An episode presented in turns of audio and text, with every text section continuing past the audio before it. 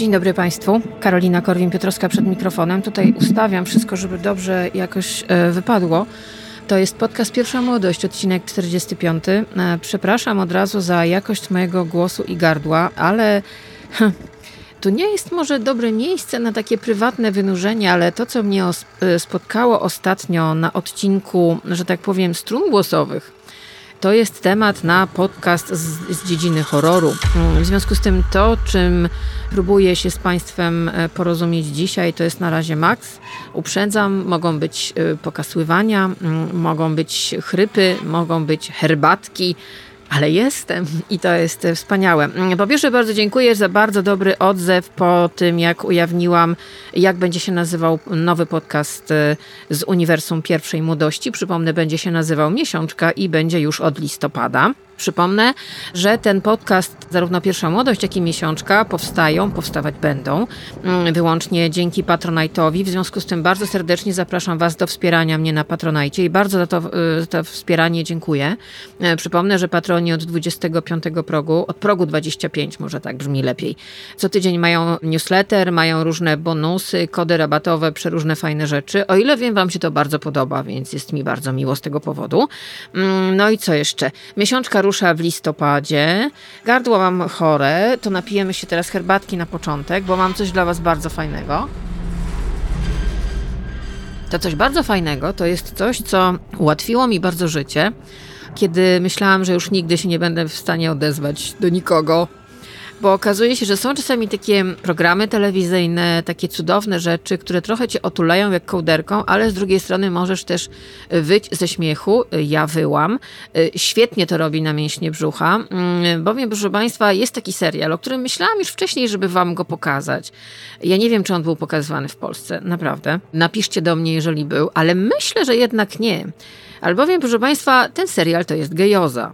I ten serial powstał w Wielkiej Brytanii. Dokładnie pierwszy sezon to był bodaj 2013 rok. I ten serial nosi tytuł Vicious. Zresztą co ja wam będę mówiła. Posłuchajcie fragmentu tej czołówki.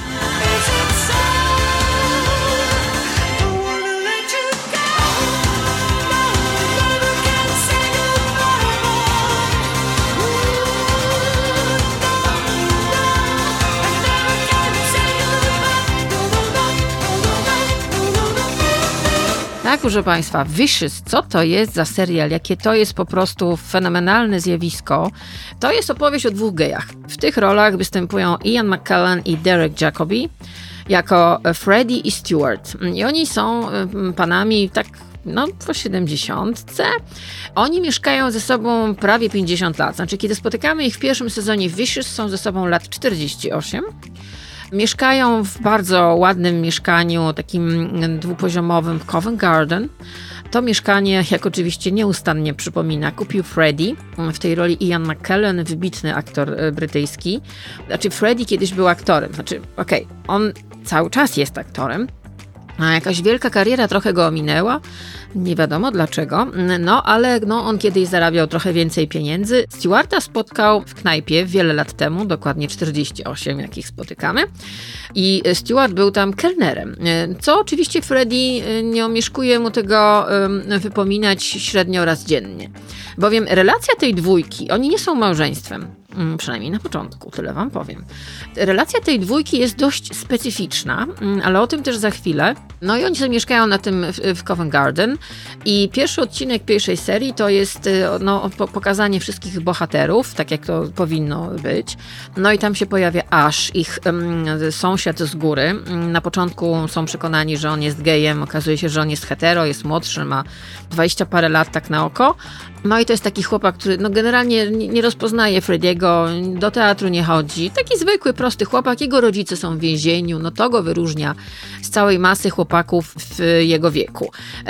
Za chwilę wam opowiem o mm, ich też tak, takich bohaterach, mm, którzy pojawiają się w tymże serialu. To jest serial, przy którym wyje się ze śmiechu ja wyłam ze śmiechu. On cały jest na YouTubie, wyobraźcie sobie. To jest genialne. Mało tego, są polskie napisy, oczywiście bez polskich znaków, ale da się to przeżyć. Oczywiście patron stronie dostaną linki do wszystkiego. To jest na, na YouTubie, to jest za darmożkę i to jest opowieść taka, która aż cieknie, aż po prostu wylewa się z niej ageism, seksizm, dowcipy z wieku, z seksualności, ze starości, dowcipy ze śmierci, dowcipy z bycia gejem i to takie ostre, na przykład o płaskich i brzydkich lesbijkach jest. W ogóle jest to opowieść, którą jeżeli ogląda się dzisiaj w 2023 roku, a pierwszy sezon miał premierę w 2013, to myślimy, oj, bardzo się ten świat zmienił, bo ja nie wiem, czy to by się dzisiaj udało i nie wiem, czy dzisiaj obaj panowie, łącznie z twórcami tego serialu, nie byliby skancelowani. Bo mamy tam opowieść o bąkach, o opuszczeniu bąków. Znaczy, puszczenie bąków to przywilej wieku i tam te bąki się pojawiają często, bo jak wiemy, dwóch bohaterów to nie dość, że są gejami, to jeszcze są panami w poważnym wieku, co też non-stop się pojawia element tego, że no nie wstanę z kanapy, bo właśnie nie jestem w stanie, mm, właśnie zemdlałem, właśnie puściłem bąka, co to za trzask, och, to złamało mi się żebro. Mamy oczywiście nieustanne dowcipy o śmierci związane głównie z matką Stewarta, która ma bardzo dużo lat. I ku zdziwieniu Frediego dalej żyje i dzwoni do nich. Są dowcipy o oddawaniu organów. Są dowcipy o tym, że y, o długości penisa albo o braku penisa. To musicie, to w zależności od odcinka. No oczywiście jest orgazm, są prostytutki i jest bardzo dużo alkoholu. Ten alkohol się tam leje. Jest jedna bohaterka, która nosi ze sobą zawsze flaszkę, a co tam i o 10 rano przychodzi do naszych bohaterów na herbatkę i już jest, że tak powiem, pod wpływem. Do tego jeszcze ci dwaj panowie, jak na brytyjskich dżentelmenów przystało, mają kominek. Znaczy w ogóle ich mieszkanie jest bardzo fajne fajne. Wygląda trochę jak Victoria Albert Museum. Takie miękkie, trochę wytarte, wyliniałe kanapy, dużo poduszek, aksamit, duże okna, takie, no takie przytulne, no taka ciocia Klocia, prawda? No i coś ciekawe, mają kominek, a na kominku mają urny z prochami psów, ponieważ oni bardzo kochają psa, psy, przepraszam, mają nawet psa, on mieszka w kuchni, nie wychodzi, znaczy pojawia się bodaj raz, nazywa się Baltazar, ma 20 lat i pojawia się w takiej formie, że y, albo jest jakaś sierść, bo on właśnie znowu wyłysiał, albo ktoś wyjmuje jego sztuczne oko z butelki, znaczy z miski po wodzie. Tak, to jest taki serial. Zresztą ja wam będę opowiadała, taki jest początek pierwszego sezonu, posłuchajcie sobie, to jest Vicious, czyli Ian McKellen i Derek Jacobi jako Freddie i Stewart, którzy mieszkają ze sobą od 48 lat na Covent Garden w Londynie. Posłuchajcie. Oh my god! Oh, how dreadful! Poor Clive! Well, at least he didn't suffer. Uh, oh, he did. Oh, my. That much?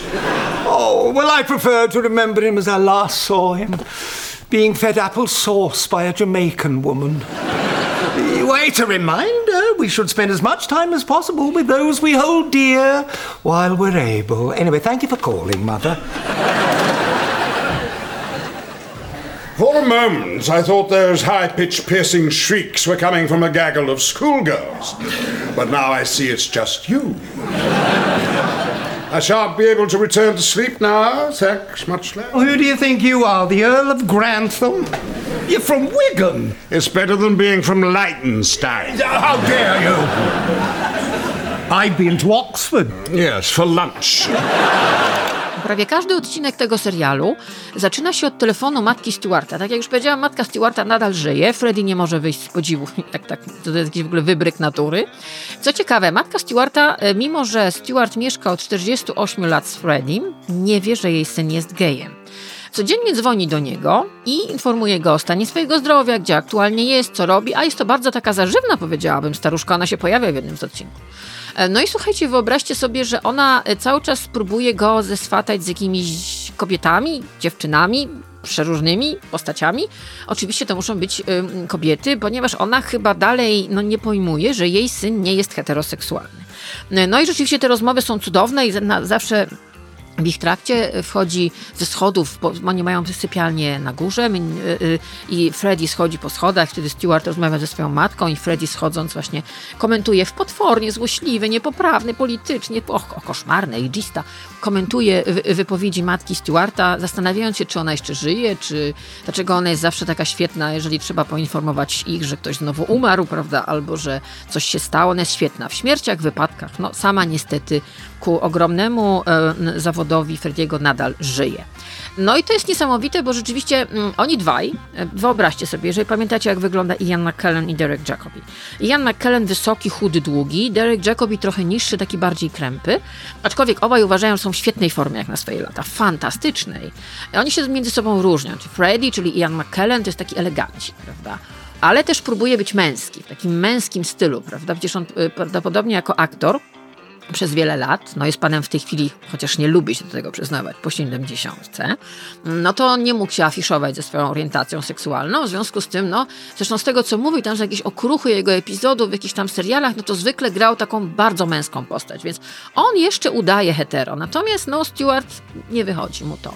Znaczy, jak patrzymy na fenomenalną kreację Iana McKellena w roli Stewarta, no to widzimy takiego, no, geja z dowcipów trochę, ale bez przerysowania, aczkolwiek jest tam kilka takich sytuacji, że o jest, uznaliby ich za homofobów, jak nic po prostu, po tym, co tam można zobaczyć.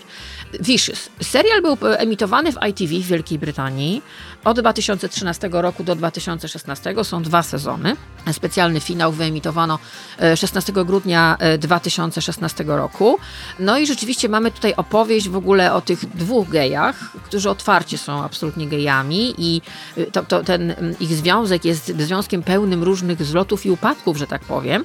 No bo rzeczywiście oni do, wobec siebie zachowują się w sposób dość specyficzny. Znaczy ich życie, bo tak, Stewart jest na, na rencie, e, Freddy jeszcze próbuje chodzić na jakieś castingi, no ale generalnie od rana wizytują ich przyjaciele w salonie, w którym oglądamy ich codziennie.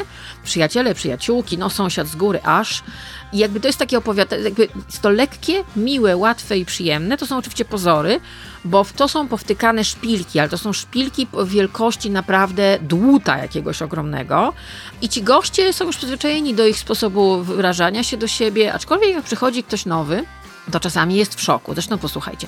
Drugi odcinek, proszę Państwa, posłuchajcie, to jest taki odcinek, gdzie oni e, zastanawiają się, żeby iść na, e, na siłownię. No chociaż obydwaj uważają, że są w super formie, wiadomo. E, jest, jest taki klip, jak oni wciągają brzuchy, jak idą na siłownię, odpicowani po prostu jak na imprezę. No i w ich domu odwiedza ich trener, nowy trener z siłowni. Trener jest gejem, w związku z tym co nie zmienia faktu, że ma partnera, ale no, słuchajcie, no, e, nasi chłopcy są silni, zwarci i gotowi. No i teraz posłuchajcie, jak Freddy mówi o Stewarcie do trenera. Just so you know, he runs like a girl. An old, fat, stupid girl. Jakie są postacie? A zacznijmy od początku. Ian McKellen, czyli Freddie Thornhill.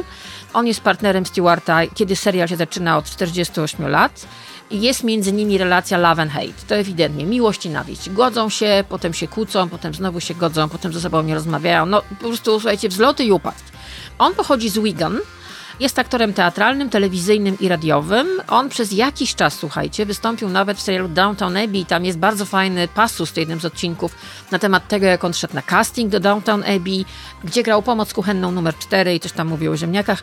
No ale nie, nie, nie zmienia to faktu, że dostał smoking z Downtown Abbey, który zresztą potem też występuje, ten smoking, jest bardzo ważnym elementem, e, rekwizytem, e, no ale wystąpił w Downtown Abbey, cała Wielka Brytania, cały świat ogląda Downtown Abbey. On tak naprawdę jest przybranym ojcem ich sąsiada z góry, Asha, o którym za chwilę. No i rzeczywiście jest to taka postać, która myślę, że całą z, taką złośliwością i ogromną ironią wobec świata przykrywa jednak ogromną czułość i zazdrość. Tam jest bardzo wyraźny motyw zazdrości wobec e, Stuarta Stewarta. Właśnie, Derek Jacobi wystąpi, występuje jako Stewart Bixby. Przypomnę, 48 lat związku w pierwszym odcinku z Freddiem. No i on pochodzi z Leytonstone. I on był menedżerem w barze, a też pracował jako kelner, no i w tym barze poznał właśnie Frediego. Mm, z tej pracy gdzieś tam zrezygnował i tak naprawdę wygląda na to, że oni po prostu się zdecydowali na taki układ, że Freddy zarabia pieniądze, a Stewart jest w domu i ten dom ogarnia. Zresztą tam jest taki motyw, że w pewnym momencie Stewart mówi do Frediego, że traktujesz mnie tutaj jakbym był służącym. On mówi, nie, ty jesteś gospodarzem domu.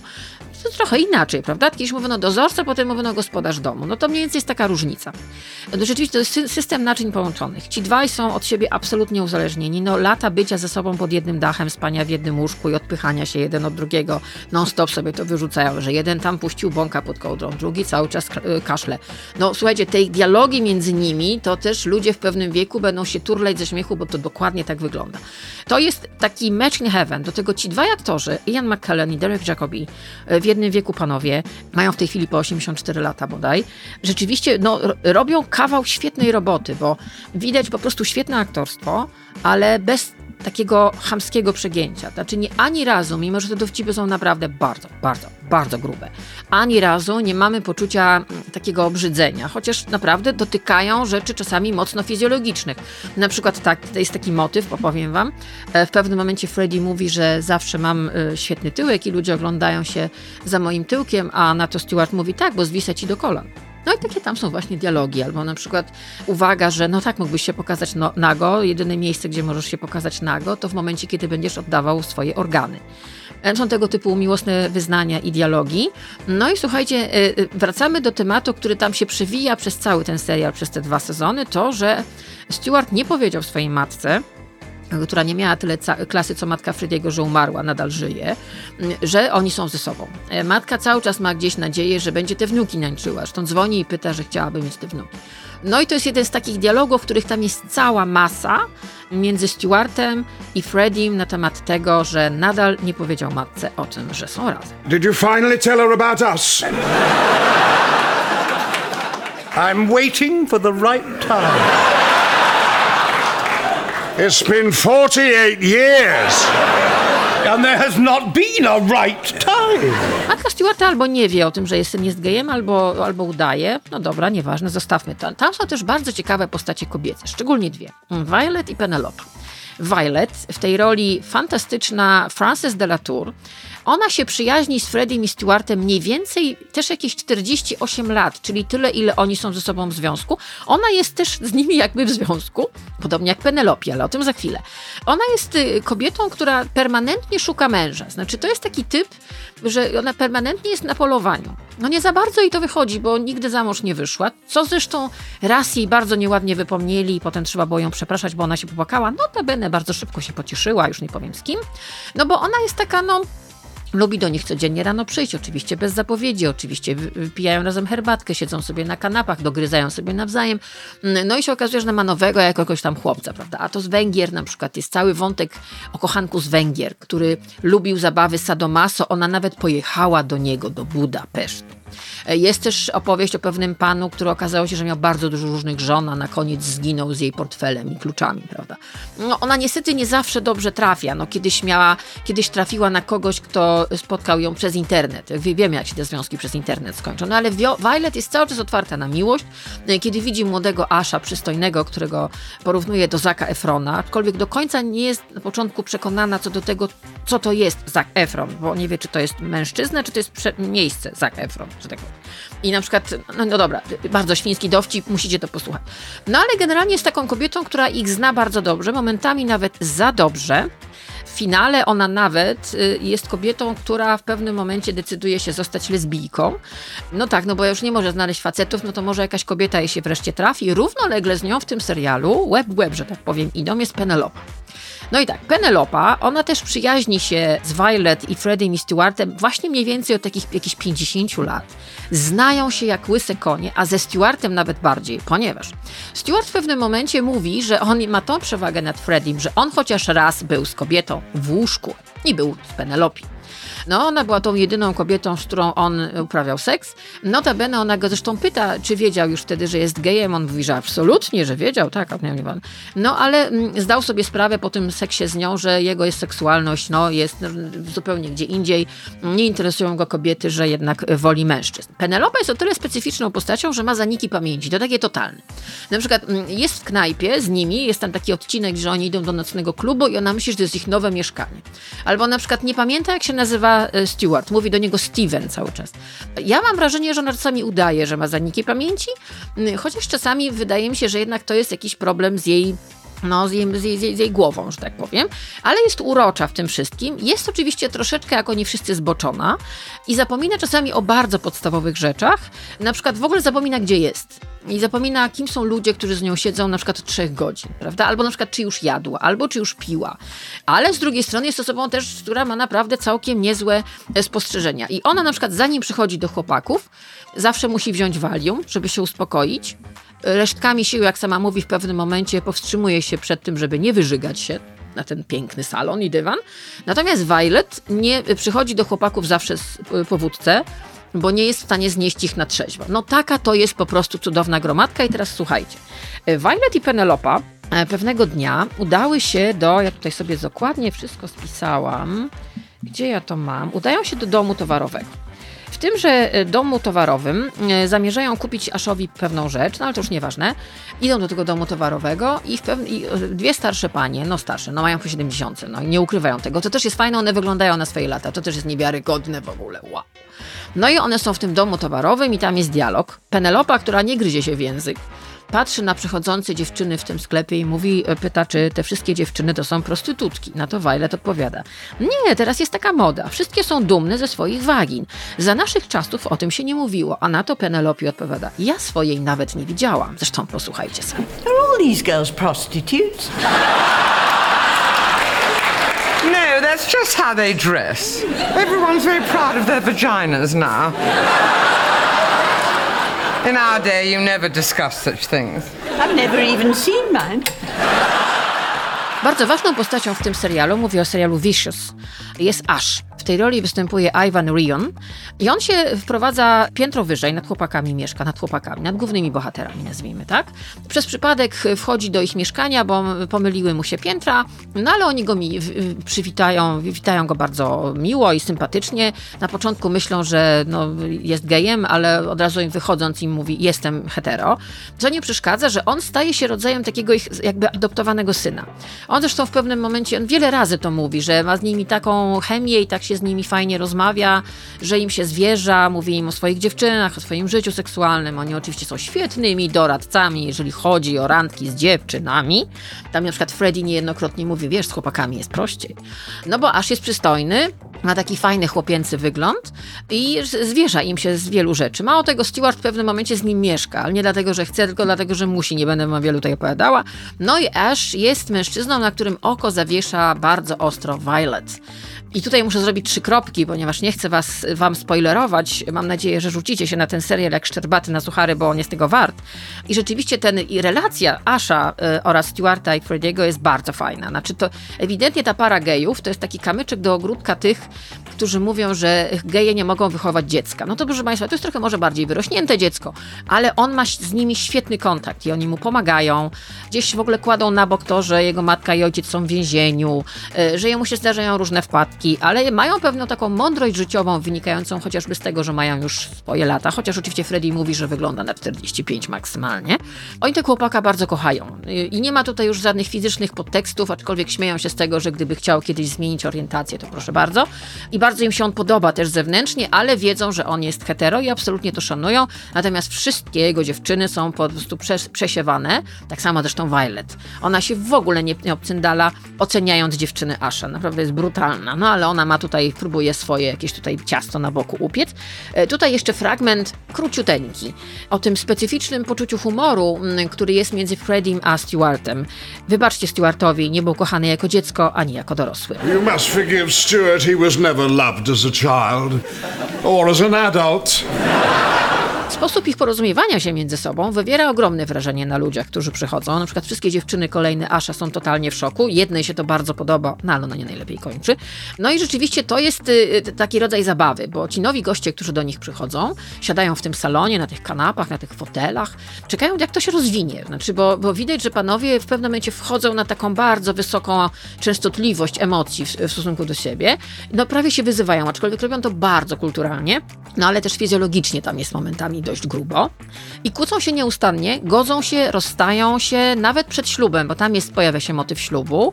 I tematem kłótni może być u nich wszystko. Przez wygląd, wytykają sobie kto jak wygląda, jaką ma skórę, jaką ma włosy i czy łysieje. Przez pochodzenie społeczne, no to jest regularnie między nimi. To się pojawia non-stop, e, bo, na przykład Freddy uważa się, że jest z lepszej, że tak powiem, klasy społecznej niż Stewart i mu to wypomina. No też oczywiście nieudana kariera, no bo Freddy jest tym aktorem, który kiedyś zagrał epizod w Doktorze Who, zagrał epizod w Downtown Abbey, kiedyś tam grał na scenie, a tak naprawdę jego największym sukcesem była reklama Smarties sprzed 40 lat, w której wystąpił, uwaga, z Judy Dench. Non-stop się kłócą, no ale bardzo często się godzą, czy zawsze się godzą. I teraz mam dla was jedną taką końcówkę kłótni, bo to jest takie bardzo charakterystyczne i kompletnie nieważne, czy to są dwaj faceci, dwie kobiety, czy mężczyzna, czy kobieta. Bo te kłótnie zwykle w fajnej relacji kończą się dokładnie tak, posłuchajcie. Z jednej strony Stewart mówi, że jestem nikim, nic nie umiem, nic nie robię, tak mi powiedziałeś, a z drugiej strony Freddy go prowokuje, na przykład takim, takim tekstem rzuconym, proszę, ona mówi. Posłuchajcie, Ian McKellen, Derek Jacobi i Vicious. And I was just going to pour myself a drink. Care for one? Fine, don't answer. I preferred it. You behaved abominably today. She speaks. Don't let's do this now. I'm so tired. Entertaining is exhausting. Oh, I suppose I'm not tired because I do nothing. I did nothing. I am nothing. You're still going on about that. Will you just forget about it, please? I can never forget it. You said some very hurtful things which you can never take back. I don't see how we can ever get over this. Stuart, I'm sorry. Oh, that's all right. Więc jeżeli chcecie, e, tak jak ja, e, przez ostatnie dni, kiedy chorowałam i miałam gorączkę i nie mogłam mówić i nie wiedziałam, co będzie dalej, czy w ogóle ten głos mi wróci, dalej jest zachrypnięty a propos herbatka. Ale tarzałam się ze śmiechu oglądając sobie to non-stop, bo to jest taki serial do zapętlenia. Do tego jest za darmo, jest na YouTubie i jest po prostu absolutnie cudowny i nie ukrywam, gdzieś w tyle głowy miałam pytanie, czy coś takiego kiedykolwiek może powstać w Polsce.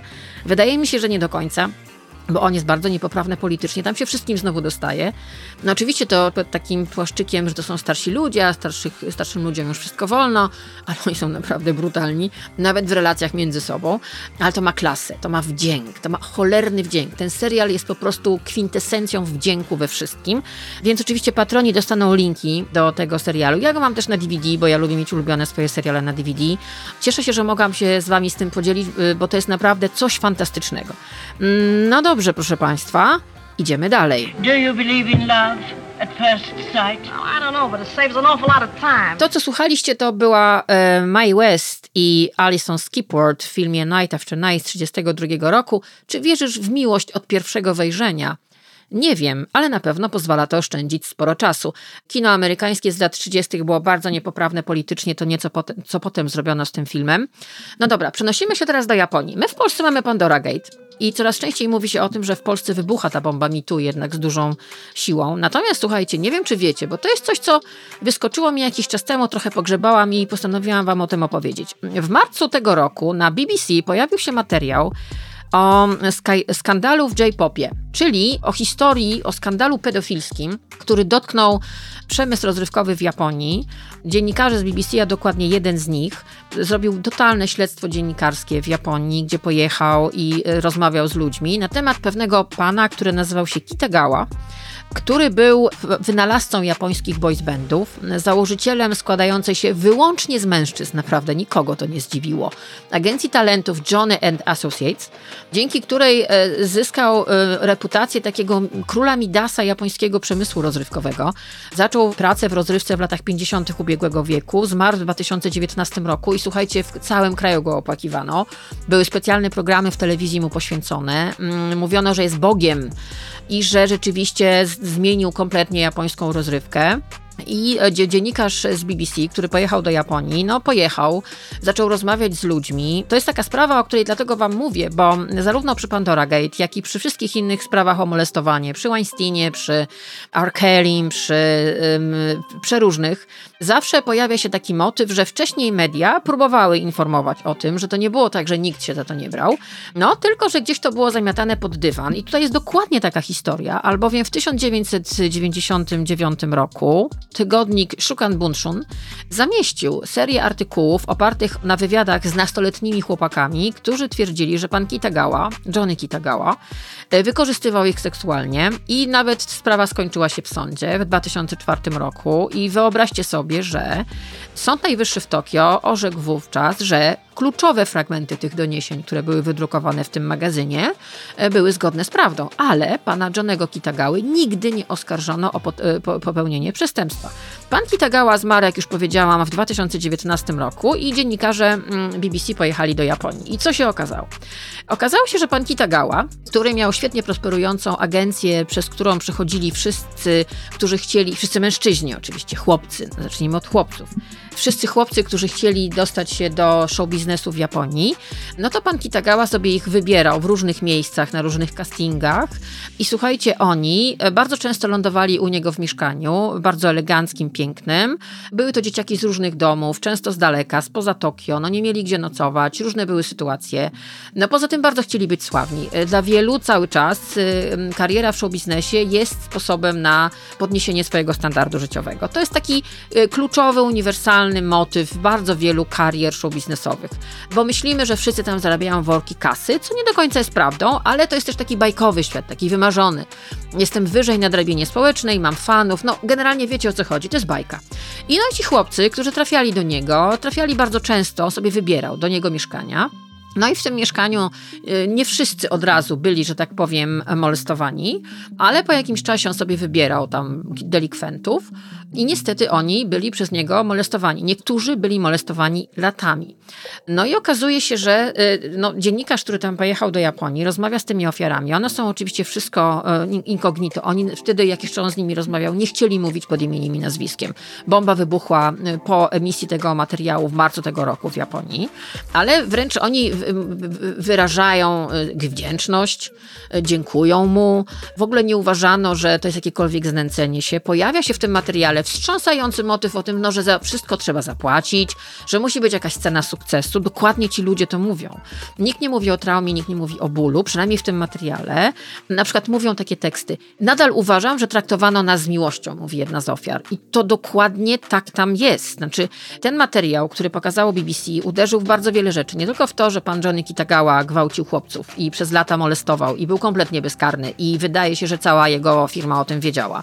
Ale też pokazuje, jaki tam jest system zależności i jaka jest mentalność tych ludzi, taka kultura wstydu, że nigdy nie przyznam się do tego, co mi zrobiono i muszę być grzeczny, nie mogę powiedzieć nic o swoim mentorze, nie mogę, nie powiedzieć, nie mogę powiedzieć złego słowa na tego, dzięki któremu jestem tu, gdzie jestem.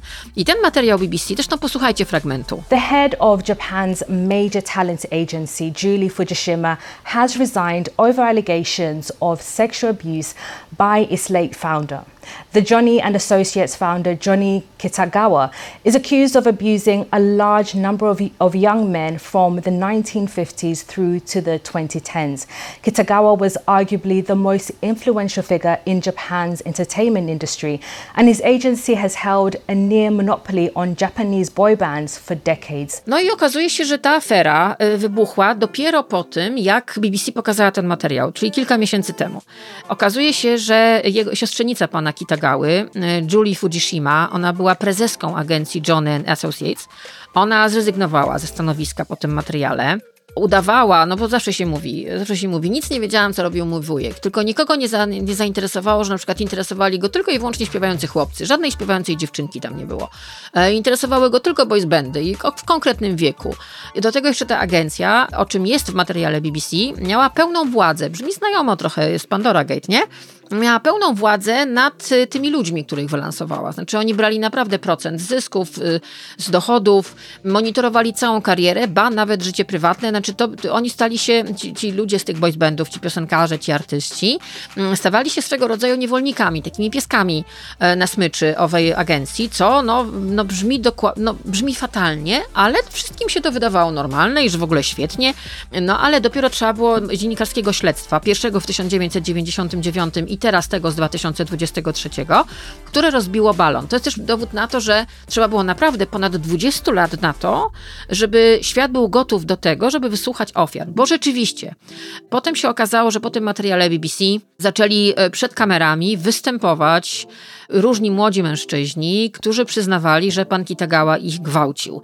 Dokument BBC, jak już powiedziałam, był wyemitowany w marcu tego roku, nosił tytuł Predator – The Secret Scandal of J-Pop i on, wywołał naprawdę lawinę międzynarodo- międzynarodowych reakcji. Jak sobie wpiszecie na YouTube Scandal of J-Pop albo Predator, zobaczycie, co wam wyskoczy. Znaczy, rzeczywiście okazuje się, że od momentu, kiedy pojawił się ten dokument, zarówno blogerzy, jak i media oficjalne, mainstreamowe, y, y, no, naprawdę rozwiązał się worek z ohydą. Nagle okazało się, że liczba ofiar pana Kitagały może iść w setki. E, Nagle okazało się, że skąd ja znam ten tytuł? Wszyscy wiedzieli.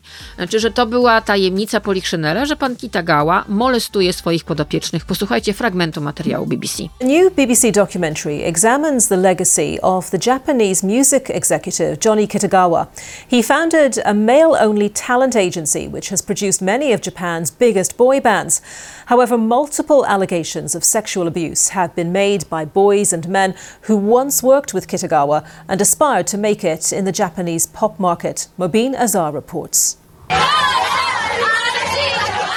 Japan has the biggest music market in the world after the US, and one company, Johnny and Associates, has dominated the J-pop or Japanese pop market since being established in the 1960s. Its founder, Johnny Kitagawa, has had rumors surrounding him for decades that he sexually abused boys in his male-only talent agency throughout his 50-year career. No i co się okazuje po tym materiale BBC, po tym co się stało w mediach, między innymi Kuan Okamoto, e, japońsko-brazylijski piosenkarz i autor tekstów, e, zwołał konferencję prasową. Jej zapis jest w internecie, jest wstrząsający, ponieważ powiedział reporterom, stając jako jedna z pierwszych ofiar z imieniem i nazwiskiem z odkrytą twarzą, że Kitagawa wielokrotnie stosował wobec niego przemoc.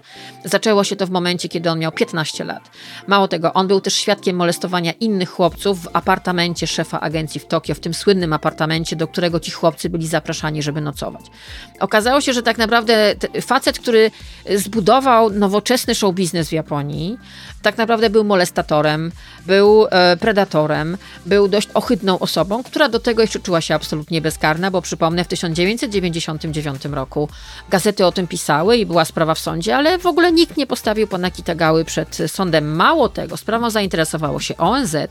W lipcu specjalna organizacja, grupa robocza ONZ do spraw praw człowieka odwiedziła Japonię i tam e, sprawdzono postępowanie pana Kitagały, no i stwierdziła, że usłyszała, tutaj cytat, głęboko alarmujące zarzuty, jakoby kilkaset talentów agencji było wykorzystywanych seksualnie.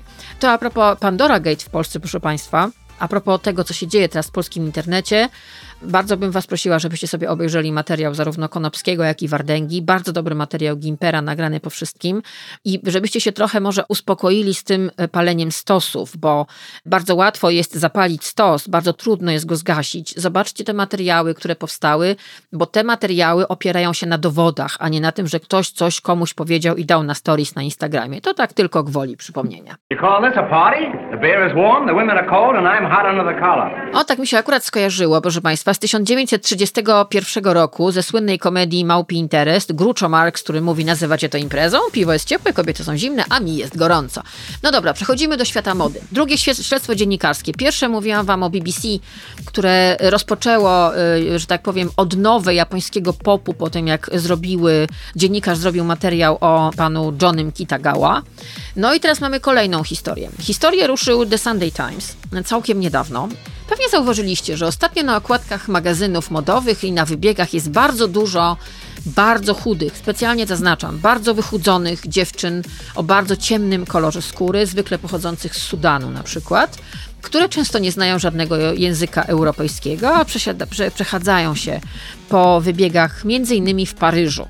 No i dziennikarze The Sunday Times y, postanowili zbadać sprawę. Jak to wygląda? Znaczy, jakim cudem te dziewczyny prosto z obozów uchodźców, tak dokładnie, między innymi z obozów Kaku, y, Kakuma w Kenii, dostają się na wybiegi i jak to się dzieje, że oni po kilku, kilkunastodniowym pobycie w Paryżu wracają do tego obozu i potem dostają informację z agencji, że są, że są winni agencji kilka tysięcy euro. Dokładnie tak.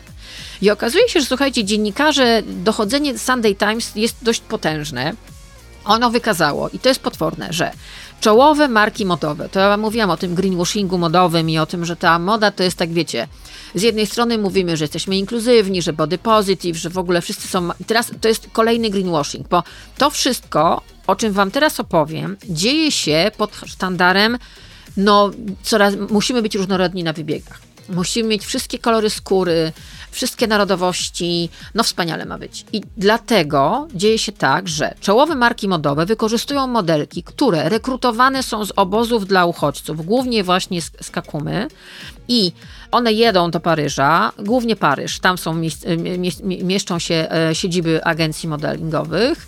No i po paru, parunastu dniach wracają do tego obozu. I teraz tak, dlaczego tak się dzieje? Obóz w Kakumie zbudowany został w 1992 roku, żebyście wiedzieli, jakie jest, jakie jest tło tej historii. I to jest taki e, dom dla uchodźców z kilku ogarniętych wojną krajów Afryki Wschodniej i Środkowej. Tam jest 55 szkół na jego terenie, ma masę sklepów, z ubraniami, z, artykułami gospodarstwa domowego i żywności. Natomiast to wygląda z pozoru, że jest no takie miasteczko jakby, ale okazuje się, że tak, y, między domami jedyną granicą są takie plandeki albo brudne szmaty powieszone. Widziałam zdjęcia, jest masa w internecie. Wystarczy jak sobie wpiszecie w YouTube y, Kakuma Woda jest racjonowana, woda do picia, ta, którą można pić. Jedzenie jest tylko raz dziennie, w związku z tym ci ludzie naprawdę są bardzo szczupli. Jest cały czas y, y, zagrożenie malarią, cholerą i durem brzusznym. Bieda jest tam absolutnie skrajna i fatalna. Tam ludzie, y, którzy mieszkają, a niektórzy mieszkają już drugie pokolenie, tak naprawdę nie mają szansy, żeby się stamtąd wyrwać.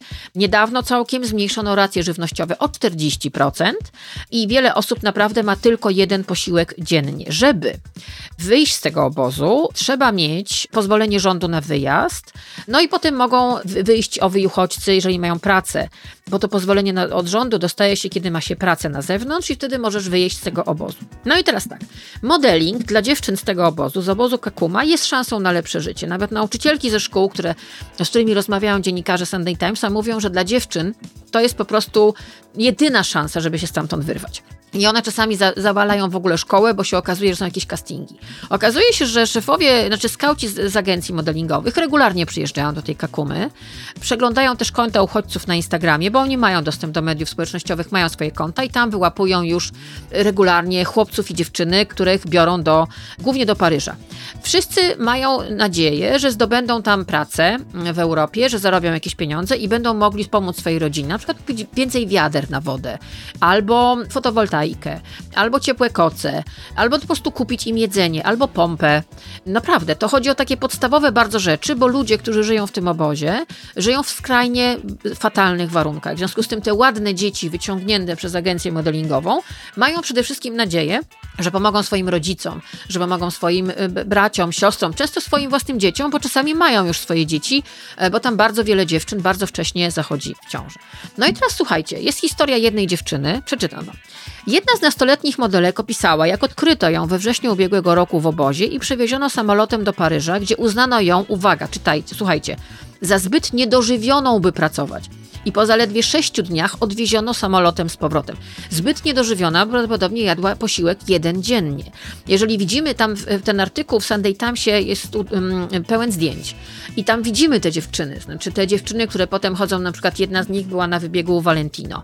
To naprawdę jest skóra i kości. One rzeczywiście mają fenomenalne twarze, bardzo ciemny, fantastyczny kolor skóry, który bardzo podnieca agencje modelingowe i projektantów mody, ale one bardzo często nie znają żadnego języka, jako mogą mówić po angielsku, ale uwaga, żadna z nich, i to dziennikarze z The Sunday Times mówią o tym, nie wiedziała, jaką umowę podpisuje, bo jej nie rozumiała. I ta umowa, w tej umowie jest napisane, bo oczywiście agencje się powołują na to, przepraszam bardzo, my nie jesteśmy świniami. Ona podpisała tę umowę, tylko że uwaga, ona nie wiedziała, co ona podpisuje. Hello. Ona podpisałaby wszystko, bo miała wizję tego, że może kupi rodzicom pompę, albo że może będzie mogła nawet zostać w tej Europie i wysyłać pieniądze regularnie do swoich rodziców, do swojej rodziny w obozie dla uchodźców. Okazuje się, że ona podpisała umowę, przez kilka, kilkanaście dni żyło jak w bajce, chodziła na pokazach i w ogóle było świetnie. Dostała jedzenie, kieszonkowe, kieszonkowe, dostała kartę do metra. Wszystkie z nich to dostają, mm, ale potem okazuje się, że wsadzili ją do samolotu i ona wraca do domu i okazuje się, że musi zwrócić na przykład 2-3 tysiące euro. Fajne, prawda? No i to jest taka opowieść, to jest bardzo długa opowieść, nie chcę wam tutaj, e, nie chcę was zanudzić, ale słuchajcie, okazuje się, że dziennikarze Sunday Times zaczęli badać tę sytuację, bo też ich zastanowiło to, skąd się wzięło tyle takich naprawdę bardzo ciemnoskórych dziewczyn na wybiegach. Skąd nagle taki wysyp? No i się okazuje, że to jest tak naprawdę tania siła robocza, proszę Państwa, bo te dziewczyny tak naprawdę żadna z nich, z małymi wyjątkami, jest, są dwie, trzy, które rzeczywiście zaczęły robić jakąś tam karierę, jedna z nich nawet wylądowała na okładce Woga, ale one same mówią o tym, że wiedziały przede wszystkim, co podpisują, bo na przykład znały angielski, albo miały ze sobą tłumacza, zadbały o to. Nie wszystkie wiedzą. Tam naprawdę, no, miejmy świadomość, to są ludzie z obozów dla uchodźców, to są dziewczyny, które marzą o tym, żeby wyrwać się z miejsca, w którym jest jedna racja żywnościowa na dzień. W związku z tym ona naprawdę podpisze pakt z diabłem po to, żeby się stamtąd wydostać, bo ona myśli, że wydostała się na stałe. A tu się okazuje, że nie, kochanie, wracasz po wielu dniach i jeszcze do tego widzisz nam kupę hajsu. No i się okazuje, że te dziewczyny, którym się gdzieś udało, które na przykład pracują w Mediolanie, w Nowym Jorku czy Paryżu, one mówią wprost, znaczy to jest ewidentnie wyzysk, znaczy to jest żerowanie na tym, że te dziewczyny są gotowe, i ci chłopcy, bo to dotyczy też modeli mężczyzn, y, gotowi są na wiele. Mało tego, jak wyjdziecie sobie na YouTube, wpiszecie sobie Kakuma Camp, to tam zobaczycie, że oni między sobą w ogóle organizują taki rodzaj Mam Talent między uchodźcami. To też oglądają wszyscy skauci z agencji, bo tam rzeczywiście wyławiają te smukłe, bardzo szczupłe, jak się okazuje, czasami zbyt niedożywione Ciekawe, jaki to jest standard, że ktoś jest zbytnie dożywiony, żeby iść w pokazie mody w Paryżu. I nikt się nie zastanawia, że ta dziewczyna jest niedożywiona, ponieważ jest z obozu dla uchodźców, gdzie jest jedna porcja y, y, żywnościowa dziennie. I może to jest normalne, że ona jest niedożywiona. Może trzeba ją nakarmić, może trzeba jej dać pić, może trzeba, żeby ona odpoczęła na przykład. A wiecie, że tam nie było tego w ogóle. Jak na przykład ktoś nie umiał chodzić, no bo gdzie miał się tego do jasnej cholery nauczyć, to się odsyłało ją. I one kompletnie w ogóle widać, te dziewczyny, tam są z nimi rozmowy. One pokazują twarze i potem zestawione to jest z ich zdjęciami na pokazach i to robi dość szokujące wrażenie, bo ona jednego dnia szła w jakimś bardzo glamour pokazie w Paryżu i wszyscy ją oklaskiwali i mówili, Boże, jaka piękna, a drugiego dnia ona znowu jest w obozie dla uchodźców i nie ma co jeść. Autentyczne. No i te agencje czują, że wszystko jest okej, okay, bo ona podpisała umowę, wiedziała, co podpisywała, no że okej, okay, oni może nie, nie, będą od niej ściągali tych pieniędzy, no dobry wujek, naprawdę, ale nie czują się w ogóle niefajnie z tym, że wykorzystują za jakieś bardzo marne pieniądze dziewczynę, która miała nadzieję, która jest naiwna, która nie zna języka, która po prostu jest jak dziecko we mgle. Czytasz ten artykuł i myślisz sobie, nie no, masakra. Nic dziwnego, że całą tą sprawą e, zainteresował się Urząd do Spraw Uchodźców ONZ, przy ONZ-cie. Dziennikarze e, wysłali pytania do UNHCR-u, do zarządu tego obozu. No i się okazuje, że sprawa jest badana, bo się nagle może okazać, że na pokazach mody piękne dziewczyny, które oglądamy, ciemnoskóre, które fascynują wszystkich takim bardzo ciemnym kolorem skóry, pięknymi rysami twarzy i bardzo szczupłą sylwetką. One są tak szczupłe, bo one po prostu nie dojadały przez prawie całe swoje życie i nie mamy świadomości, że ta dziewczyna po tym jak zdejmie tą sukienkę, zostanie wsadzona do samolotu i wróci do obozu dla uchodźców, gdzie nie ma jedzenia, gdzie, nie, gdzie, gdzie woda jest racjonowana i że mieszka w jakimś, jakiejś lepiance, która przykryte, której dach stanowi jakaś tektura, bo ci ludzie tam tak żyją tak się trochę chyba wkurzyłam. Oczywiście patroni dostaną link do tego artykułu i zobaczycie te zdjęcia. Przepiękne dziewczyny urodziły się w obozie dla uchodźców i agencje modowe postanowiły to wykorzystać. I'd like to play film called Paris, please. Yes, the one in France. Zaczęłam ten podcast opowieścią o Vicious i o panach w pewnym wieku. No i teraz hello. Wiecie, kto to jest Gary Turner? Gary Turner, proszę Państwa, ma 72 lata i jest głównym bohaterem The Golden Bachelor. To jest taki program randkowy w Stanach Zjednoczonych, który polega na tym, że no, ten kawaler nie ma 30 lat, nie ma nawet 40 lat, nie ma nawet 50 lat, tylko ma 70, no i szuka sobie dziewczyny. I te jego dziewczyny też nie mają 30, 40 ani 50 lat i one po prostu startują do tego kawalera. Autentycznie, to jest spin-off popularnej serii randkowej. Specjalny program został już nakręcony, będzie emisja co tydzień. W programie obokowego kawalera Jerry Turnera będzie 20 kobiet, które rywalizują o jego oświadczenie, czyli klasyczny program randkowy. I jakby wiadomo, no, nie, nie dorabiajmy tutaj filozofii, ale mamy niesamowitą historię, bo wszyscy uczestnicy tego programu mają co najmniej 60 lat.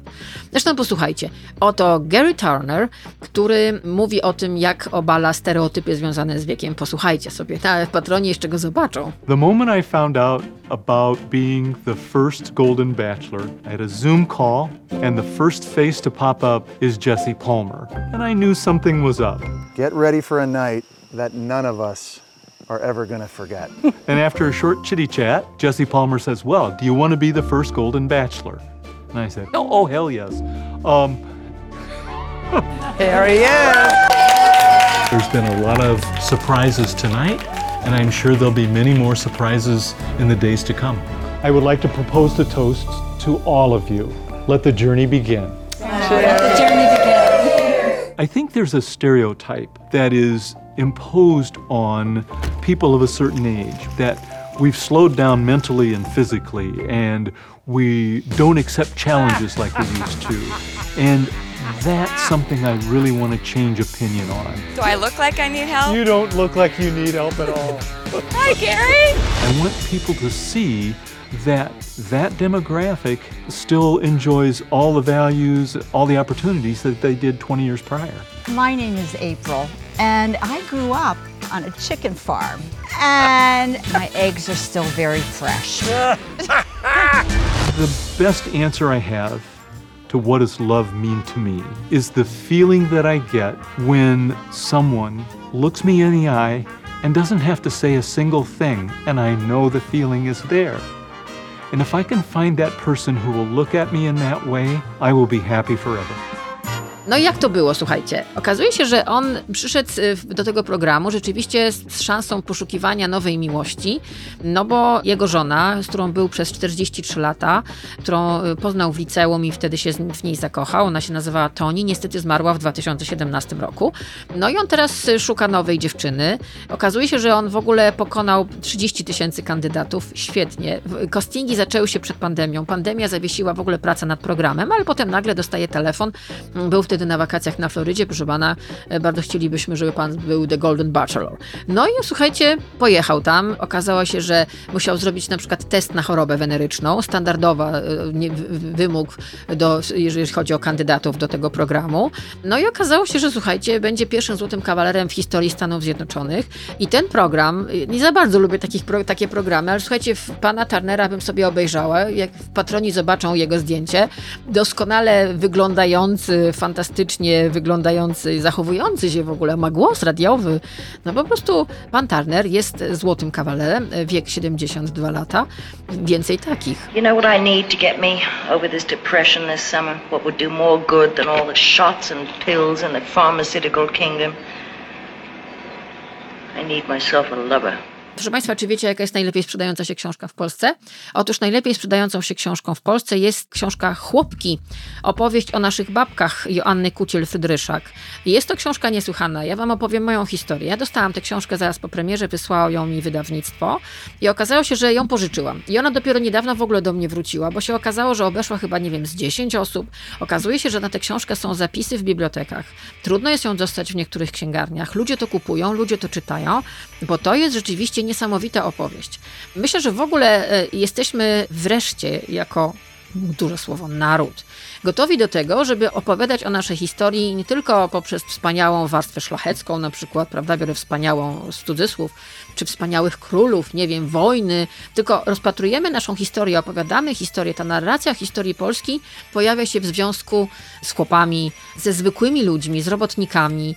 Nagle okazuje się, że my odkrywamy po latach wmawiania nam Rzeczpospolita szlachecka, złoty wiek, prawda, kultury polskiej, nagle się okazuje, że to wszystko powstało jednak dzięki pracy zwykłych ludzi, na przykład chłopów, na przykład chłopek.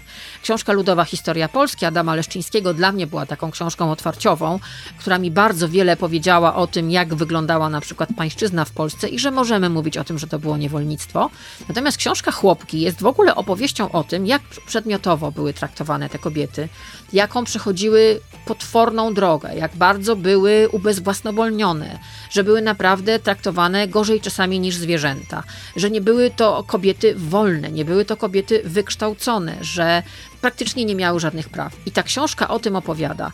Polecam Wam bardzo, patroni dostaną link, wywiad Michała Nogasia z panią Janną Kuciel-Fydryszak o książce Chłopki, opowieść o naszych babkach. Przeczytam Wam fragment. Nogaś pyta. Nakład chłopek przekroczył już 150 tysięcy i nadal rośnie. Spodziewałaś się? Odpowiedź. Myślę, że nikt się tego nie spodziewał. Kiedy pracowałam nad tą książką, zastanawiałam się raczej, czy ktokolwiek będzie chciał po nią sięgnąć. Stworzenie opowieści o znoju, trudzie i przejawach chłopskiego patriarchatu okazało się trudne. Losy moich bohaterek, naszych chłopskich babek i prababek, nie obfitowały w spektakularne wydarzenia i były do siebie podobne, trudno więc uniknąć powtórzeń. Wydawało mi się, że opisywane przeze mnie historie przytłoczą czytelnika, czego zresztą sama doświadczałam podczas pracy nad książką. Wspomnienia i pamiętniki wiejskich kobiet, pisane na konkursy ogłaszane przede wszystkim w PRL, przynoszą długą listę krzywd, co pokrywa się z opowieściami przechowywanymi w następnych chłopskich pokoleniach.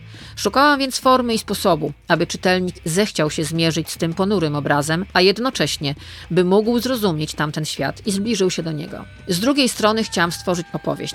Moja książka nie jest przecież dokumentem, którym odnajdą się potomkowie wiejskich kobiet ze swoją ludową spuścizną i rodzinnymi wspomnieniami. Nogaś pyta.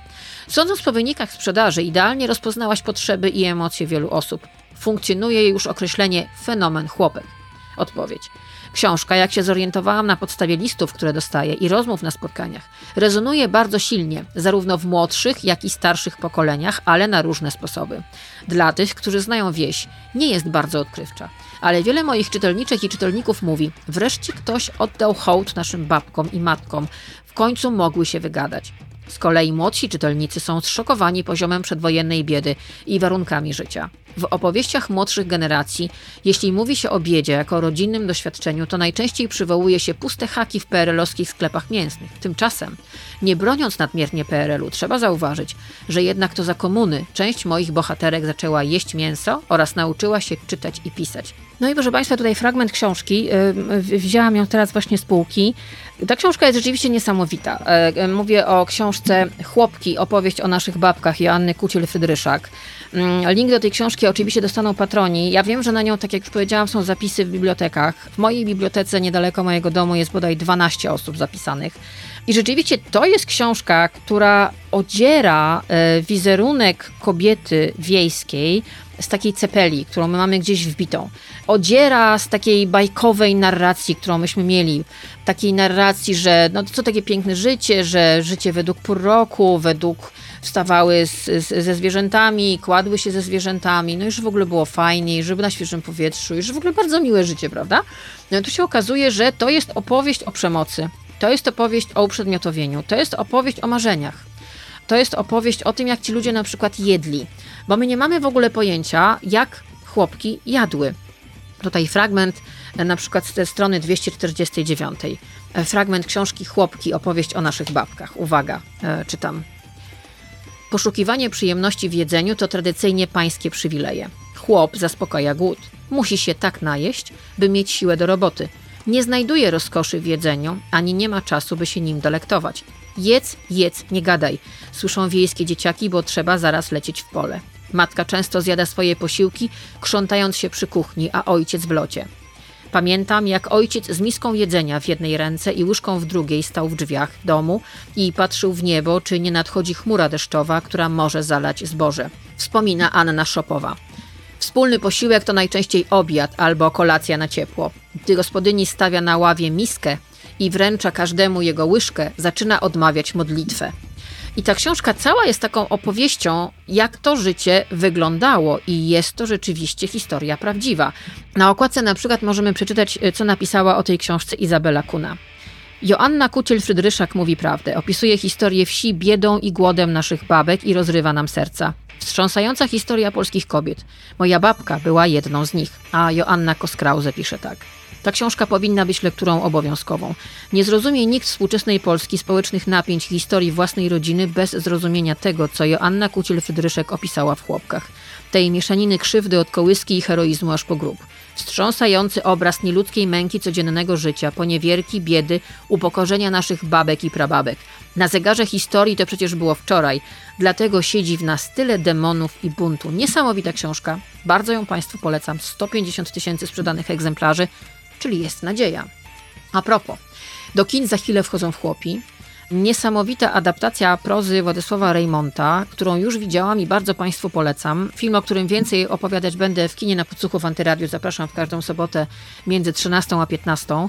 Generalnie jest to feria barw, niesamowita muzyka i niesamowita historia, która została oczywiście trochę ścięta w stosunku do pierwowzoru literackiego, głównie do opowieści o Jagnie i mężczyznach w jej życiu. I to jest tak naprawdę opowieść o Jagnie i o innych kobietach, które się pojawiają w owej wsi opisywanej przez Raymonta. Na specjalną uwagę zasługuje muzyka. Posłuchajcie, to jest fragment ścieżki dźwiękowej, fragment muzyki z filmu Chłopi, niesamowitego, to jest zresztą polski kandydat y, do Oscara, zobaczymy, oby się udało. Wcześniej był Loving Vincent, no to teraz też może tak będzie. Jest to rzeczywiście wizualnie rzecz niezwykła, czegoś takiego w polskim kinie nie oglądaliśmy, a teraz posłuchajmy fragmentu muzyki.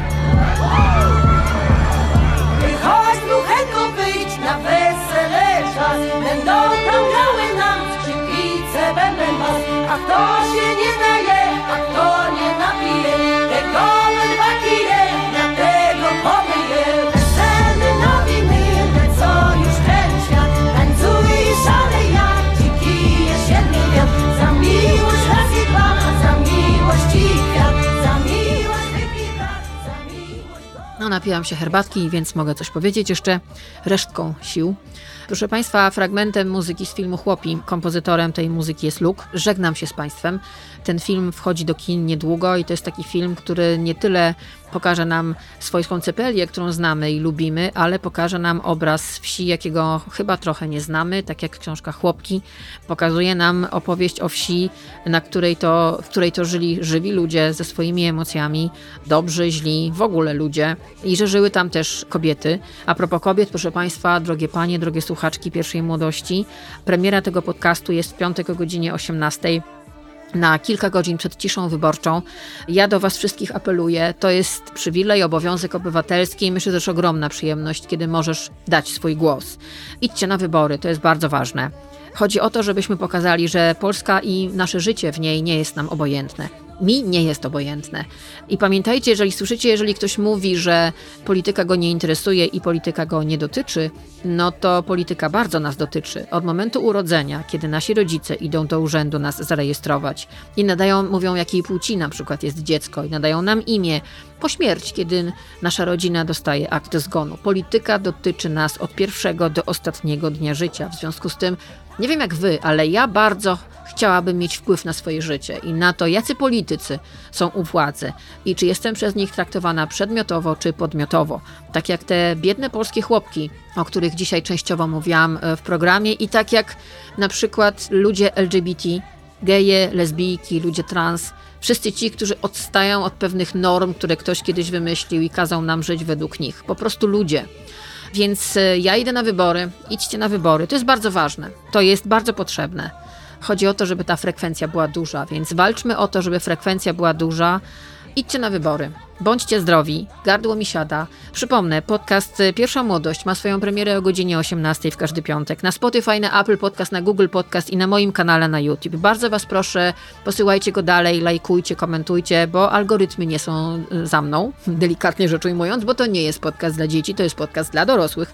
A czasami jest to podcast niepoprawny politycznie i wiem, że za to płacę, ale co tam. Miesiączka będzie od listopada. Zapraszam Was do wspierania mnie na Patronite.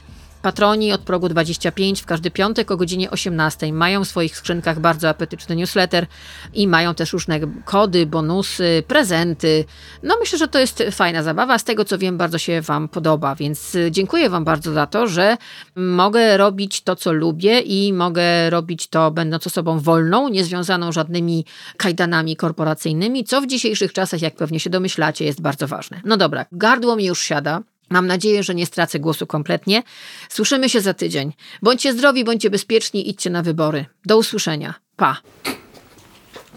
It's all right. I'm here. I love you.